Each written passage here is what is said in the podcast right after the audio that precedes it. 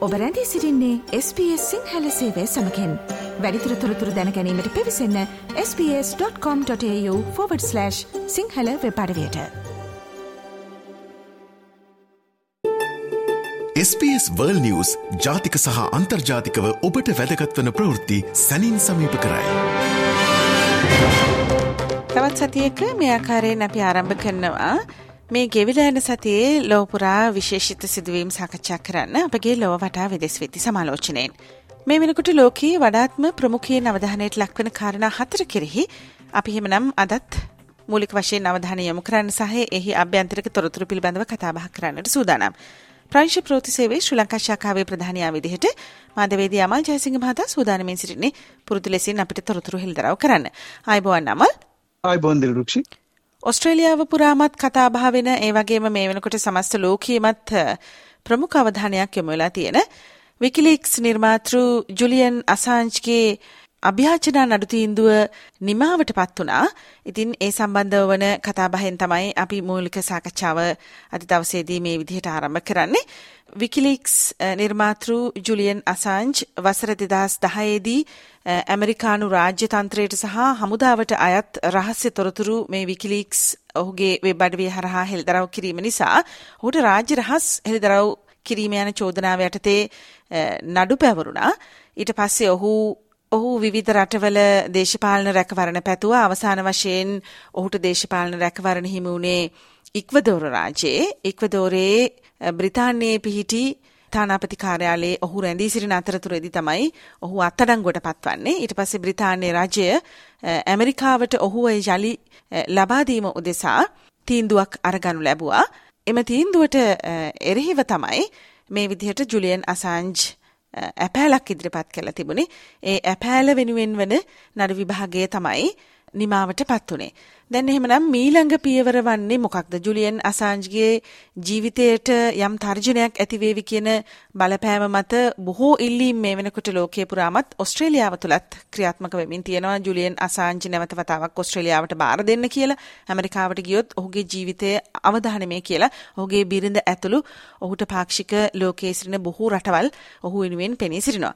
අමල් දැන් ඇත්තටම ජුලියන් අසාන්ජ්ගේ මේ නඩු විභාගය දැන් අවසానයි. තීන්දුව එන්නට නියමිතයි.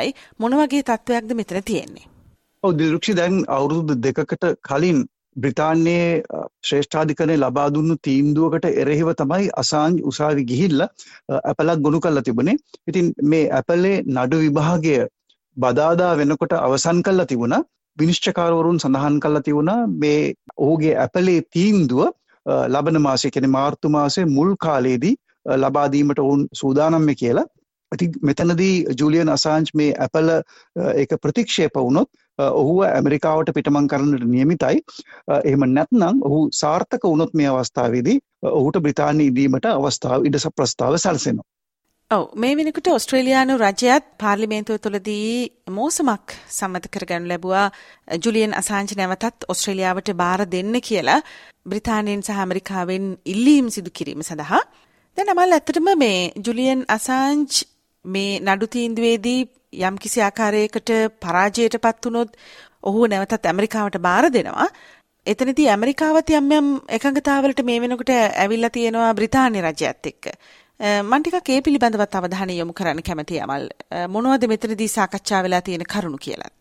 ඔව් මීට කලින් අවස්ථාවලදී දිලුක්ෂි බ්‍රිතාන්‍ය ජූලියන් අසාන්ජ්ව ඇමරිකාවට බාර දීම බාර නොදී ඉන්න තීන්දුව කළා නම් ඒකට ප්‍රධාන හේතුවක් වෙන්නේ ඇමරිකාවේ මරණ දඬුවම ක්‍රියාත්මක වෙන නිසා ජූලියන් අසාන්ජ්ට රාජ්‍ය රහස් හෙළි කිරීම නැත්නම් රජයට විරුද්ධව මේ විදිහට කටයුතු කිරීම සම්බන්ධයෙන් ඔහුට මරණ දඬුවම නියම කරන්නට තිබුණා. ඉතින් මෙතනදී බ්‍රිතාන්‍ය රජය විසින් ඇමරිකාවෙන් ඉල්ලිමක් කළ තිබුණා ඔහු සම්බන්ධ ජුලියන් අසාන් සම්බන්ධයෙන් කොයි වගේ පියවරක්ද ගන්නේ කියලා. එතනදී ඇමරිකාව ප්‍රතිඥාවක් දුන්නා ජූලියන් අසාන්ච්ට විරුද්ධව මරණ දඬුවම ක්‍රියාත්මක කරන්නේ නැහැයි කියලා.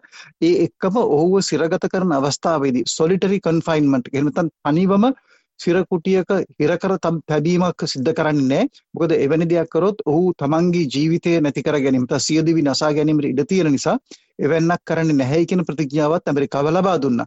ඊට අමතරව දැන් ඇමරිකාව සඳහන් කරලා තියෙනවා ජුලියන් අසාන්ජ්ව ඇමරිකාවේ නඩු විභාගයකට භාජනය කරලා එහිදී ඔහු වැරදිකරු වුණොත් ඔහු ඔහුට හිරදඬුවමක් නියම වුණොත් ඒ හිරදඬුවම ඔස්ට්‍රේලියාවේ ගෙවීමට එහෙම නැත්නම් ඔස්ට්‍රේලියාවේ හිරගෙදරකට ඔහුව මාරු කර හැවීමට හැකියාව තියෙනවා කියන කාරණා සම්බන්ධයෙන් ප්‍රතිඥාවක් බ්‍රිතාන්‍යයට ඇමරිකාව විසින් ලබා දීලා තියෙනවා. ඒ අනුව තමයි 20යි 22 මාර්තු මාසෙදී බ්‍රිතාන්‍යයේ ශ්‍රේෂ්ඨ අධිකරණයේ තීන්දුව කරේ ජූලියන් අසාන් මීට කලින් කරපු ඉල්ලීම් ප්‍රතික්ෂේප කරමින් ඔහුව ඇමරිකාවට බාර දෙන්න පුළුවන් කියන නියෝගය ලැබුණේ ඒ අවස්ථාවේදී.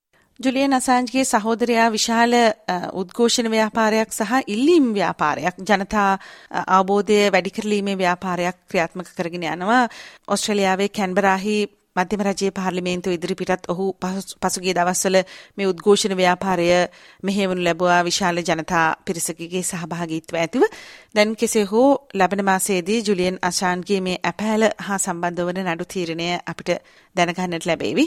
අපි බලමු මොනවද ඒ සම්බන්ධයෙන් වාර්තා වන තොරතුරු සහ ඔස්ට්‍රේලියානු පාර්ලිමේන්තුව පැත්තෙන් මේ සම්බන්ධයෙන් සම්මත කරගන්නා වූ හෝ කතාබහ කරන්නා වූ හෝ නවතම තොරතුරු මොනවද කියලා.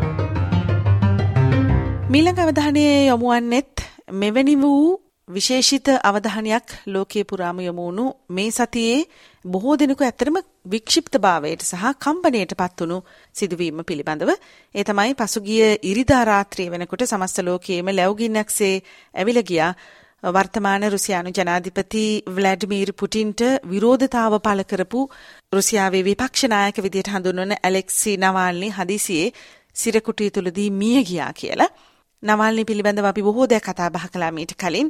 කෙටියෙන් මතක් කිරීමක් කරනවා නම් ඔහු පුටින්ට එරෙහිව ප්‍රසිද්ධියේ රුසියාව පුටින්ගෙන් ගලවා ගත යුතුයි කියන ව්‍යාපාරයේ නියැලී සිටිය. බොහෝ ජනතාවක් ඔහු වටා හිටිය. කෙසේ හෝ ඔහු ගුවන් ගමනක් යෙදෙන අතරතුරේදී නර්ව් ඒජන්ට් එකක් ඔහුට කෙසේ හෝ ලබා දීම මගින් ඔහු යම් දැඩි අසාධ්‍ය තත්වයකට පත් වුණා. කෙසේ හෝ බටහිර රටවල් මැදිහත්ව ඔහු රටෙන් පිටතට අරන් ගිහිල්ලා ඔහුව සුව තත්වයට පත් කළා. නැවතත් ඔහු රුසියාවට ආවට පස්සේ ඔහුට වෙනත් මේ ඡන්ද ව්‍යාපාරය හා සම්බන්ධව වන වෙනත් චෝදනා ගොනු කරමින් ඔහුව අත්අඩංගුවට ගන්න ලැබුවා. ඊට පස්සේ පසුගිය කාලවකවානුවේදී අපි වාර්තා කළා එකපාරටම නවාල්නී පිළිබඳව ආරංචියක් නැහැ කියලා වාර්තා වෙන්න පටන් ගත්තා කියලා. කෙසේ හෝ අවසාන වශයෙන් රුසියානු රජය තීරණය කළ තිබුණා නවාල්නිව රුසියාවේ උතුරු කරේ ඉතාමත්ම ප්‍රාදේශීය ප්‍රදේශයක තියෙන මේ සයිබීරියාවේ සිර කඳවුරක රඳවා තබන්නට. ඊට පස්සේ තමයි ඔහුට මේ අවාසනාවන්ත තත්වයට මුහුණ දෙන්නට සිදු වුණේ. අමල් දැන් බොහෝ දෙනෙක් කියනවා රුසියානු රජය මේකට වග කියන්න ඕනි කියලා. එතකොට රුසියානු රජය මේක ප්‍රතික්ෂේප කරනවා. හැබැයි ඒ සැකය මුළු මහත් ලෝකයටම තියෙනවා. රුසියාව පැත්තෙන් මේ පිළිබඳව වාර්තා වන තොරතුරු සහ බටහිර ලෝකයේ පැත්තෙන් රුසියාව මේ දේ කළාය කියලා කියන්න ඔප්පු කරන්න හෝ කිසියම් සාක්ෂි හෝ හමු වෙලා තියෙනවා නම් ඒ පිළිබඳව මොනවද අපිට මේ වෙනකොට වාර්තා වන තොරතුරු? දිරුක්ෂි රුසියාව පැත්තෙන් මේ වෙනකොට ඒ ඔවුන්ට නැගෙන විශේෂම පුටින් ජනාධිපතිවරයාට එල්ලවන චෝදනා ප්‍රතික්ෂේප කරලා තියෙනවා. ඔවුන් මේ චෝදනා විහිළු හැටියට සමච්චලයට ලක් කරලා තියෙනවා. පුටින් ජනාධිපතිවරයා මේ ආකාරයෙන් තමන්ගේ ඉදිරිවාදීන් ඝාතනය කරන්නට කිසිම අවස්ථාවක පෙළඹෙන්නේ නැහැයි කියලත් ඔහුගේ ප්‍රකාශකයෙක් මේ වෙනකොට සඳහන් කරලා තියෙනවා. නමුත් බටහිර රටවල් ඒ වගේම රුසියාව ඇතුලේ ඉන්න විපක්ෂ කණ්ඩායමකුත් මේ වෙනකොට බොහොම ඍජුවම පුටින් ජනාධිපතිවරයාට ඇඟිලි දික් කළා ඔහුට චෝදනා කරනවා ඔහු ගත්තා වූ ක්‍රියාමාර්ගයන් වල ඍජු ප්‍රතිඵලයක් හැටියට තමයි මේ විදිහට නවල්නි 47 හැවිරිදි විපක්ෂක නායකවරයා ජීවිතක්ෂයට පත් වෙන්නේ කියලා. ඒ එක්කම ඔහුගේ මලසිරුර මුදා හැරීම සම්බන්ධයෙන්ුත් මේ වෙනකොට ඉතාමත්ම අර්බුදකාරී තත්වයක් උද්ගත වෙලා තියෙනවා.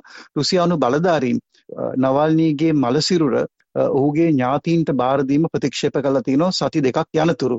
නමුත් නවල්නිගේ මවත් ඒ වගේම ඔහුගේ බිරිඳත් මේ වෙනකොට උත්සාහයක් ගනිමින් තියෙනවා යටත් පිරිසෙන් නවල්නිගේ මලසිරුරවත් ඒ අවසාන කටයුතු සිද්ධ කිරීම සඳහා එය ලබා ගැනීමට ඔවුන් ප්‍රයත්නයක් දරනවයි කියලා රුසියාවේ අධිකරණ පද්ධතිය තුළින් නමුත් ඒකට හොඳ ප්‍රතිචාරයක් ලැබුණයි කියලා දැනට වාර්තා වෙන්නේ නැහැ.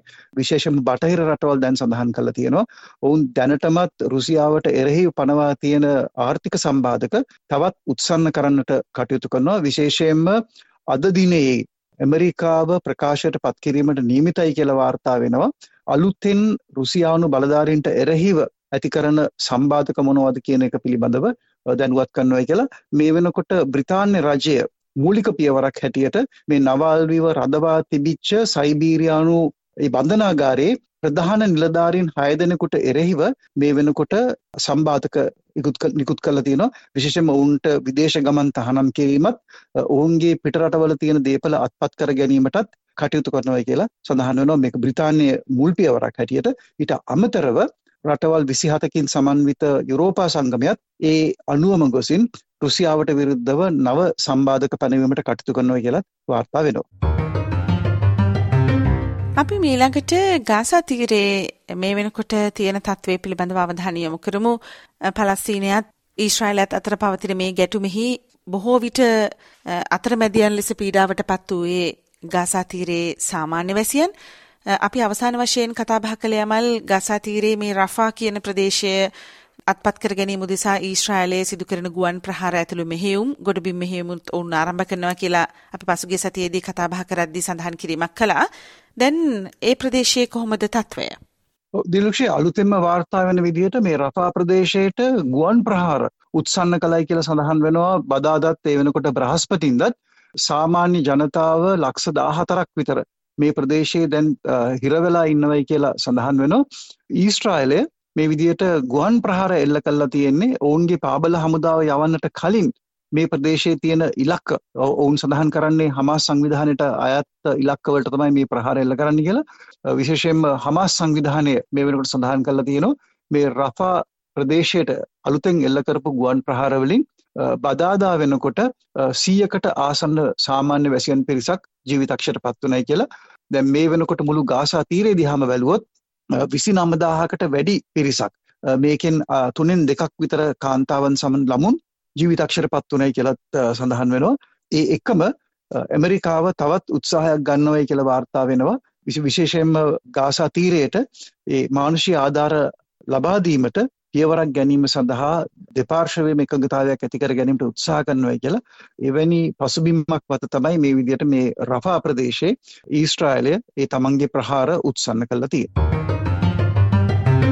අපි අවසාන වශයෙන් අවධානයට ලක් කරන්නේ චීන තාක්ෂණික ආරක්ෂක සමාගමක් විදේශ රටවල ආණ්ඩු එතකොට සමාජ මාධ්‍ය ගිණුම් වලට රිංගලා පෞද්ගලික දත්ත ලබාගත්ත බවට වාර්තා වන තොරතුරක් පිළිබඳවයි. අපි දන්නවාමල් දැන් සාමාන්‍යයෙන් චීනයට සහ රුසියාවට තමයි ලෝකයේ මේ හැකර්වරුන් සම්බන්ධව සහ රාජතාන්ත්‍රික තොරතුරු හැක් කිරීම සම්බන්ධව දැවන්ත චෝදනා එල්ලවන රටවල් දෙක. දැන් මේ චීන තාක්ෂණික මේ සමාගම ඇත්තටම මේක කළලා තියෙන්නේ මේ ආණ්ඩුවේ මෙහෙවීමක් යටතේද නැත්නම් ඔවුන්ගේ අභිලාෂය මොකක්ද එතනදි වෙලා තියෙන්නේ මොනවද මේ පිළිබඳව වාර්තා වන තොරතුරු? ඔව් දිලක්ෂි මේ අයිසූන් කියන පෞද්ගලික සමාගමක් හැටියට චීනයේ ක්‍රියාත්මක වෙනවා. නමුත් ඔවුන් බොහෝ අවස්ථාවලදී චීන මධ්‍යම රජයේ කොන්ත්‍රාත්තුකරුවන් හැටියට කටයුතු කරලා විශේෂයෙන්ම ඉන්දියාව, තායිලන්තය, වියට්නාමය, දකුණු කොරියාව ඇතුළු රටවල් රාශියක රජයට සහ ඒ බුද්ධ්‍යංශවලට අයත් පරිගණකවලට හොර රහසේ ඇතුල් වෙලා ඒවායේ දත්ත සොරාගත්තයි කියල තමයි මේ වාර්තා වෙන්නේ.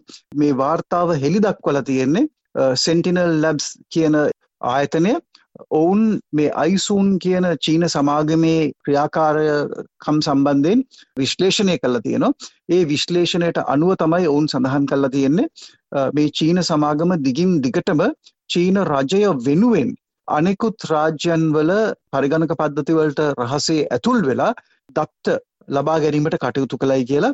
ඉතාමත්ම සංවේදී බුද්ධ්‍යන්සවලට අයත් ඒවා ඒ එකම රාජ්‍යපාලනයේ ඉහළම තැන්වල ඒ පරිගණක පද්ධතිවලට ක්‍රමානුකූලව මේ සම්සිමි සමාගම ඇතුල් වෙලා කටයුතු කළයි කියලා. ඉතින් මෙතනදී චෝදනාවක් එල්ල වෙනවා. චීනයේ රජයේ ඌමනාවට තමයි මේ ආකාරයෙන් ඔවුන් කටයුතු කරලා තියෙන්නේ කියලා. ඉතින් මේ අවස්ථාවේදී ඒ ආයතනෙන් මේ අයිසියුන් කියන සමාගමේ වෙබ් අඩවි වලට ඇතුල් වෙනට උත්සාහ කරන අවස්ථාවේදී මාධ්‍යවේදීන්ට දැනගන්න පුළුවන් වුණේ දත්ත සොරාගත්තයි කියන සමාගම ඔවුන්ගේ ඒ වෙබ් අඩවිය වසා දමලා කිසි කෙනෙකුට ප්‍රතිචාර නොදක්වන තත්ත්වයට පත්වලා තියෙනවා. නමුත් චීන රජයත් මේ වෙනකොට මේ කාරණාව සම්බන්ධයෙන් ඍජු ප්‍රකාශයක් කරයි කියලා අපට දැනට දැනගන්න ලැබිලා නැහැ. හොඳයි මල් එහෙමනම් අපි ස්තුතිය පළ කරමින් සමුදෙනවා බොහොම ස්තුතියි ලෝකයේ ප්‍රමුඛතම කාරණා පිළිබඳව කතා බහ කරන්න මෙවරත් එකතු වීම පිළිබඳව. එහෙමනම් අපි ලබන සතේ සිකුරාදා යලිත් මේ විශේෂාංගයේදී හමු වෙමු අයිබෝවන්. අයිබෝවන් දිල්දුක්ෂි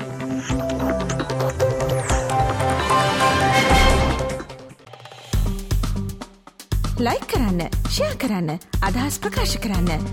SBS සිංහල ෆස්බුක් පිටුව ෆලෝ කරන්න.